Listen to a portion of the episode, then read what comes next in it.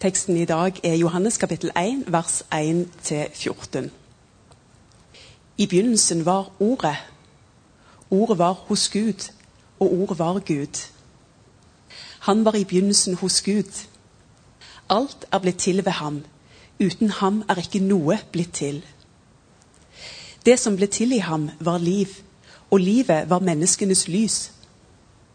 Lyset skinner i mørket, og mørket har ikke overvunnet det. Et menneske sto fram, utsendt av Gud. Navnet hans var Johannes. Han kom for å vitne. Han skulle vitne om lyset, så alle skulle komme til tro ved ham. Selv var han ikke lyset, men han skulle vitne om lyset. Det sanne lys, som lyser for hvert menneske, kom nå til verden. Han var i verden, og verden er blitt til ved ham, men verden kjente ham ikke. Han kom til sitt eget, og hans egne tok ikke imot ham. Men alle som tok imot ham, dem gav han rett til å bli Guds barn, de som tror på hans navn. De er ikke født av kjøtt og blod, ikke av menneskers vilje og ikke av manns vilje, men av Gud. Og ordet ble menneske og tok bolig iblant oss, og vi så hans herlighet. En herlighet som den enbårne sønn har fra sin far, full av nåde og sannhet. Slik lyder Herrens ord. Adventstid. Det er kanskje den fineste av alle høytidene, syns jeg. Vi tenker sikkert forskjellig om det, men for meg er adventstida en fin tid. Eh, og Jeg tror, jeg har lurt litt på hvorfor det er sånn, og jeg tror det er fordi at den eh, budskapet i advent det ligger kanskje nærmest det som er min livserfaring at vi som lever, eller vi som tror, vi lever midt imellom. I vissheten om at noe allerede har skjedd. Så Vi har på en måte troen med oss, vi tror Jesus har kommet, og at han er midt iblant oss. Vi tror det. Men samtidig så vet vi også at vi ikke har sett alt enda. At vi fortsatt venter på noe. Så dette at vi har en forventning om noe mer, at det beste fortsatt er i vente, det gjør at jeg syns adventstida ligger nærmest min troserfaring.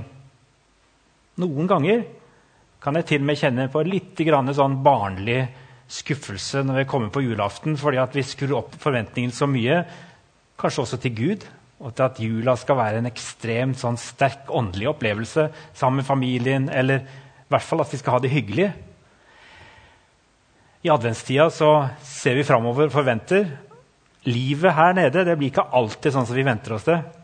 Men uansett hvordan jula de blir i år, så er det beste i vente. Og så er det en hyggelig tid fordi vi som tror, vi kan kjenne at det faktisk er ganske gode muligheter fortsatt for å minne det norske folk om Jesus akkurat i disse tider. Denne adventstida måtte jeg steppe inn for presten i Gandalen og lede skolegudstjenester på Gandal skole og Sørbø skole nå sist uke. Og jeg skal være med på Lundhaugen ungdomsskole på onsdag. Det var en fantastisk opplevelse. En fantastisk mulighet vi har der, vi som kirke. Vi vet at det ikke er noen selvfølge at mange hundre barn velter inn i kirka for å høre juleevangeliet, synge julesanger og høre en andakt fra presten.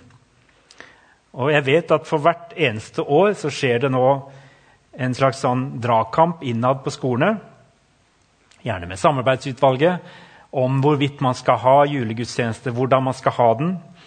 For det er jo noen som ikke syns det er greit nok at de ber barna om å ikke være med. De syns det ville vært greit om det var sånn for alle, at man hadde et felles opplegg, og at alle kunne være med på alt. Og jeg kan forstå tanken. Og samtidig så er jeg glad for at noen fortsatt står opp for at vi kan ha skolegudstjeneste for å kunne vise hva jula handler om.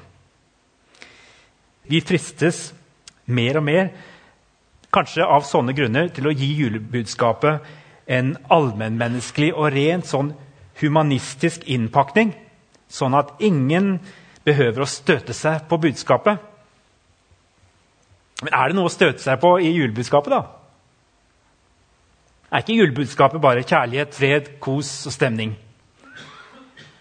Jeg tror julebudskapet er under press både innenfra og utenfra. Fordi vi lever i en brytningstid. Men ofte er det sånn at historien den gjentar seg. Og selv om ikke alle er like glad i historietimene, så kan vi lære av å på en måte bli oss bevisst at det, det meste har skjedd før. Og de fant løsninger på ting før, og noe av det kan vi fortsatt lære av. Så Jeg håper, håper dere tåler at dette blir en liten historietime. Og at dere kan synes det er nyttig å bare få et lite glimt inn. Det blir ikke så detaljert som eh, virkelige historikere kanskje ville kreve, men jeg vil gi dere litt innblikk spesielt i noe av det som skjedde på 300-tallet etter Kristus. Som jeg har sagt, det har vært brytningstider før.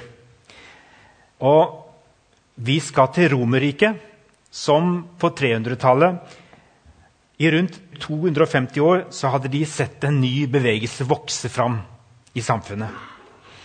De kaltes for kristne, oppkalt etter en jøde de kalte for Kristus. Han døde på et kors, som mange andre forbrytere på sin tid. Men denne mannen fikk mange følgere, flere og flere, og disse påsto at han også hadde stått opp igjen fra de døde. Ja, ikke bare det. De påsto også at han var mer enn et menneske, at han også var Gud. Og Derfor tilba de ham, og de kalte ham for Herre. Det var derfor de kristne helt fra det første århundret opplevde motstand. Først opplevde de motstand innenfra. Fra de religiøse lederne i deres egen tro. Hvem var det? Jo, det var jødene. For de kristne sluttet ikke å kalle seg for jøder. De regnte sin tro som den på en måte oppfyllelsen av det de hadde ventet på som jøder alltid. Men det var uakseptabelt for de religiøse lederne. Vi må passe oss for liksom å si at jødene som folk er problemet her. Det var alltid noen religiøse ledere som sa denne Messias dere forkynner, er ikke den Messias vi har ventet på. De var vel egentlig i begynnelsen ganske avslappa, for folk hadde tatt feil før. Det hadde dukket opp sånne ledere helter tidligere, profeter og predikanter, hadde stått fram. Men Messias kunne jo denne Jesus ikke ha vært. For det beviste jo på en måte historien av at han døde og forsvant.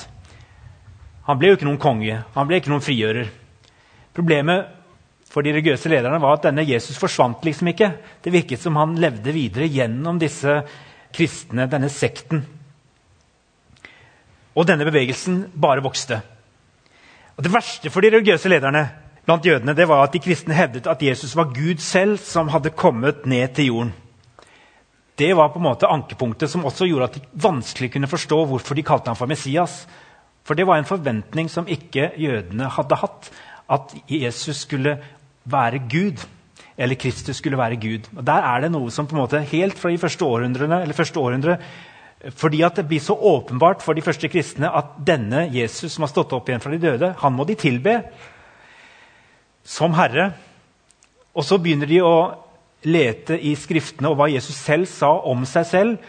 Og så vokser det fram mer og mer en tydelig overbevisning. Ja, enten dere tror det eller ei, så utrolig som det kan være Gud kom som et menneske i Jesus Kristus. Han var både Gud og menneske. Dette var ikke bare noen sånn filosofi som kom fra andre religioner, som ofte hadde hatt sånne overmenneskelige, halvmenneskelige guddommer. Nei, Det var de jødiske kristne selv som så at det var det Jesus hadde sagt om seg selv. Det var sånn det var å forstå. Den, den troen den var på plass veldig tidlig. den. Allerede i første århundre. Vi ser det i Johannesevangeliet som ble lest nå. Kapittel 1. Det er helt utvetydig Jesus er mer enn bare et vanlig menneske. Han kom fra Gud. Han er av Gud, av Guds vesen. Og Dermed får vi denne treenighetslæren. Mange tror at man vedtok treenighetslæren mange århundrer etterpå. Nei, man bare forsvarte den gang på gang på gang fra angrep fra ulikt hold. En sånn sekt måtte støtes ut fra jødedommen før den ødela deres unike monoteistiske tro. Det tok en stund før det romerske imperiet forsto at de kristne var noe mer enn en ufarlig jødisk sekt. For det var nemlig sånn at Jødene hadde fått en slags privilegier. De ble også av og til forfulgt, men i det store og det hele i Romerriket så var på en måte jødene det var en region som man visste om, man kjente til, og de fikk nå lov til å ha sin monoteisme, sin tro på én skapergud, i fred. Problemet nå var at plutselig så blir keiserne og de romerske myndighetene klar over at dette er ikke lenger bare en jødisk sekt. Denne sprer seg jo i alle samfunnslag og i alle etniske grupper i Romerriket. Dette begynner å bli farlig. De nektet å avtjene militærtjeneste. De ga kvinner og barn en uhørt status som kunne true samfunnsordenen. De holdt på en veldig streng ekteskapsmoral samtidig som de blandet mennesker fra alle slags samfunnslag i en og samme gruppering. Og de tok ansvar for syke utenfor sin egen familie. De gjorde en rekke ting som var usedvanlige på sin samtid. Det kunne virke som I dag kan vi tenke dette er vel bare populære ting, men det var, det var på en måte kombinasjonen, denne miksen, den ble truende. Det var en samfunnsorden som var i ferd med å bli utfordra. Og de ble større og større. Og verst av alt, de motsatte seg åpenlyst enhver dyrking av keiseren som overhode, både på det verdslige og det åndelige området. Så om det hadde vært en viss aksept for jødenes tro, og de hadde hatt noen privilegier, så var det veldig provoserende at en ny bevegelse nå gjorde ett menneske, Jesus Kristus, til en eksklusiv guddom ikke bare én av mange, sånn som man kunne på en måte akseptere en ekstra guddom. for det, det skjedde stadig vekk. Og Da var jo keiseren en del av en guddommelig kult, i tillegg til at han også dyrket solguden og en rekke andre guddommer. Det som var så provoserende, det var at nå sto det fram en, en, tro der man sa nei, vi kan ikke tilbe noen annen herre enn Jesus Kristus. Forfølgelsene de kom i stadige bølger gjennom de første århundrene. Men bevegelsen virket umulig å slå ned. Og en av de hardeste planmessige forfølgelsene skjedde under keiser Dioklesian på begynnelsen av 300-tallet. Det skjedde sannsynligvis bare i løpet av to år, den hardeste forfølgelsen, men det var også et veldig hardt slag mot kristenheten på den tiden. Kirkene ble stengt, de hellige skriftene ble brent, og kristne ble tvunget til å utføre ofringer til andre guder. Mange kristne ble drept eller satt i fengsel og torturert. Det skjer i veldig stor grad også i dag. Men nå snakker vi om disse første kristenforfølgelsene. En av biskopene som ble fengslet og trolig torturert for sin tros skyld, het Nikolas. Han hadde blitt biskop av Myra i dagens Tyrkia i år 300. Senere er han blitt mest kjent for å være den historiske opprinnelsen til julenissen. Det fortelles nemlig at Fordi han hadde arvet en stor formue etter sin far, var han velstående. Men han ville ikke på en måte det skulle hete seg at han var årsak til godheten han viste, så, så han, han, ble kjent for at han ga gaver til fattige rundt seg og ba dem strengt om å ikke fortelle til noen. Han prøvde også å skjule at det kom fra han. Han må ha gjort et eller annet, Kanskje er det ulike skikkelser som er koblet sammen, men han er den historiske opprinnelsen til denne tanken at en skal gi hverandre gaver. Og ikke minst få med dere den essensen òg at eh, det er ikke så veldig viktig å vite hvem giveren er. Det skulle være gaver som vi velsignet hverandre med uten nødvendigvis å vite hvem som var avsender. Det var Guds godhet som skulle vises. Ordet 'nisse' kommer fra dansk og er en avledning av navnet Nils. Og Nils er en avledning av Nikolas. Sankt Nikolas, eller Santa Claus, som de sier på engelsk. Så nissen er denne biskopen som var biskop på begynnelsen av 300-tallet. I Myra i nærheten av Nikea i Tyrkia. Jeg vil nevne det med Sankt Nikolas julenissen fordi det er en påminnelse om at kristendommen generelt og julen spesielt til alle tider har representert et budskap som både er utrolig attraktivt og sympatisk og tiltrekkende, men også veldig provoserende og eksklusivt har skapt motstand. For julenissen han var en av de mange biskopene som ble satt i fengsel under diokristiansk forfølgelse og det er til og med utgravninger av han som viser at han, når de prøver å gjenskape han, så ser han faktisk ut som en julenisse. Men han har også en, en nese som er, er, brutt, så det er tydelig at han har vært gjenstand for noen som har slått ham. Antageligvis under tortur på begynnelsen av 300-tallet. Disse biskopene og lederne og prestene som sto imot forfølgelsen, de ble kalt for bekjennere, konfessores, og de fikk jo også en, en veldig autoritet, for de hadde stått gjennom den, en av disse harde forfølgelsene. Og kom ut av den, og da kom også vendepunktet, som mange kanskje vil si ble en utfordring for en kristne tro. Men det var nok også mye bra i det at eh, en ny keiser kom på banen, Konstantin, fra 305. Og han valgte å se at kristendommen burde få en privilegert plass Han valgte til slutt å si at det skulle ha en, den viktigste plassen. Det var ikke statsregion enda, og vi vet ikke helt om han var en aktiv bekjennende kristen selv. Men han snudde og sa vi gir kristne beskyttelse. Og Det skjer da i løpet av de neste tiårene. At eh, kristendommen går fra å være en forfulgt minoritet til å være den prioriterte trosform i Romerriket. Gjennom de første århundrene opplevde Kirken stadig trusler, ikke bare utenfra, sånn som jeg har fortalt om nå, men også innenfra. Dere hørte om jødene selv, som mente at dette var utålelig å utfordre monotismen på den måten. Men også etter hvert så kommer den ene kristne presten og lederen etter den andre inspirert av filosofiske retninger i samtiden, spesielt fra gresk hold, og begynner å sette spørsmålstegn ved dette her veldig enkle Jesus er sann Gud og sant menneske. Jo, men når vi skal måte, få dette til å gå i hop rent så filosofisk, sier de, så må vi kanskje differensiere litt her og snakke om det på litt forskjellige måter. Og så får man stadig vekk angrep mot uh, den tro som Bibelen forteller om. Både ovenfra og nedenfra. Hva mener vi med ovenfra og nedenfra? Jo, for det er hele tiden forskjellige retninger som på den ene siden prøver å si at ja, nedenfra Han kan ikke ha vært Gud, men han vokste og ble et slags overmenneske. Ja, og så har man forskjellige varianter av det. Kanskje han til og med ble adoptert etter hvert og fikk en slags guddommelige kvaliteter, men han startet jo som et helt vanlig menneske. Og så har du ulike retninger som fremmer det i løpet av de første århundrene. Biskop Skar han har et sånt sitat som jeg synes er litt interessant. Når han skal beskrive dette så kommer nedenfra, denne nedenfra-misforståelsen. Han sier Flammen på vulkantoppen blusser mot himmelen, men er og blir like fullt bare ilden i jordens eget indre. Jo da, Jesus var, var, som en vulkan som blusset opp, og det var et voldsomt syn. Men kraften hentet han likevel fra menneskets eget indre. Så det blir aldri noe mer enn en vulkan. Og så får man forskjellige varianter av det. På 300-tallet kommer den neste store faren gjennom en prest som heter Arius.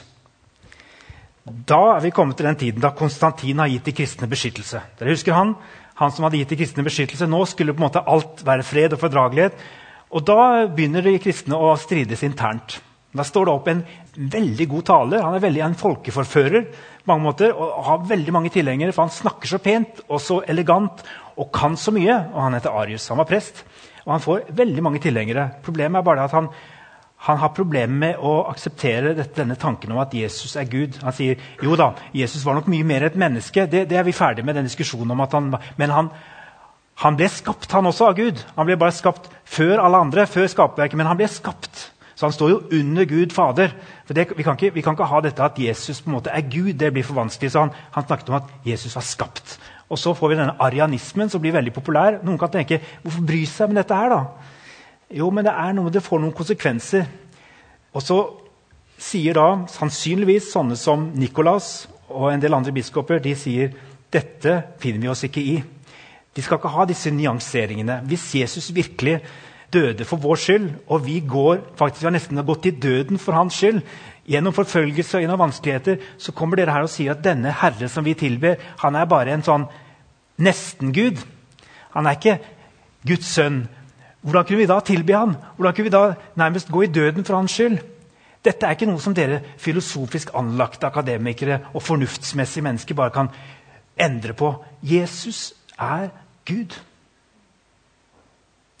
Og så, eh, og så får vi kirkemøte i Nikea i år 325 kan for øvrig nevne at uh, Denne arianismen den ser vi igjen i nye avskygninger, f.eks. i Jehovas vitner, som sier omtrent akkurat det samme som Arius. Jo da, Jesus er jo veldig mye, men han er jo ikke frelser i den forstand.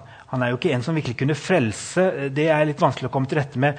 For han er jo ikke Gud. Han er et menneske skapt av Gud på et tidlig tidspunkt i historien. For å vise oss og være et forbilde på oss, vise oss hvordan vi mennesker skal kunne, skal kunne oppnå frelse.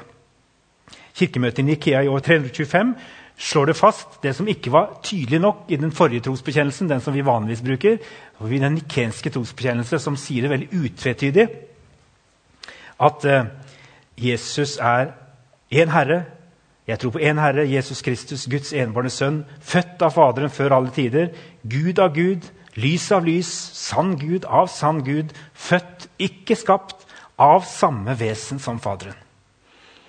Og jeg vet at mange av dere kan tenke dette her høres veldig sånn teoretisk ut. Er det så viktig? Jeg tror det har vist seg at det skal være viktig. Jeg skal si litt om det etterpå.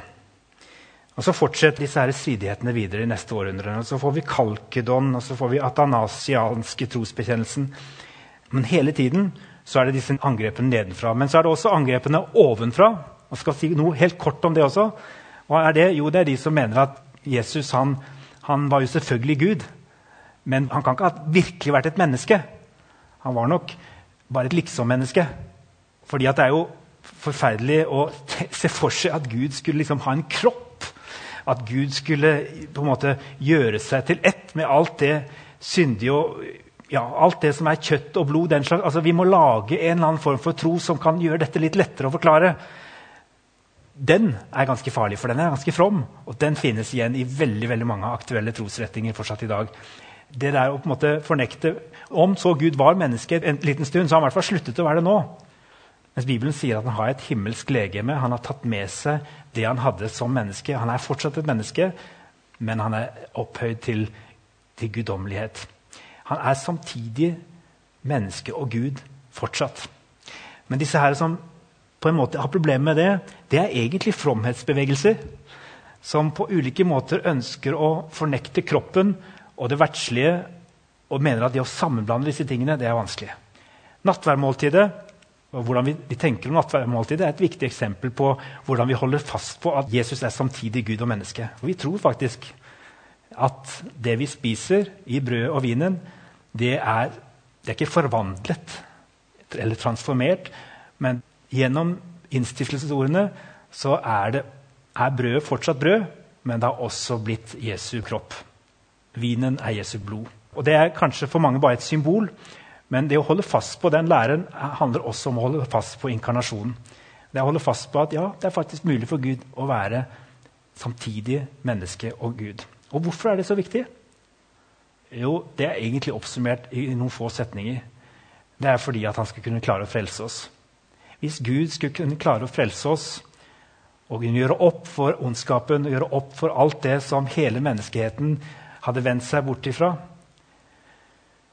så måtte noen ta skylden på seg og ta forsoningen og gjøre det oppgjøret. Det kunne ikke noe menneske gjøre alene. Derfor måtte Gud selv bli menneske.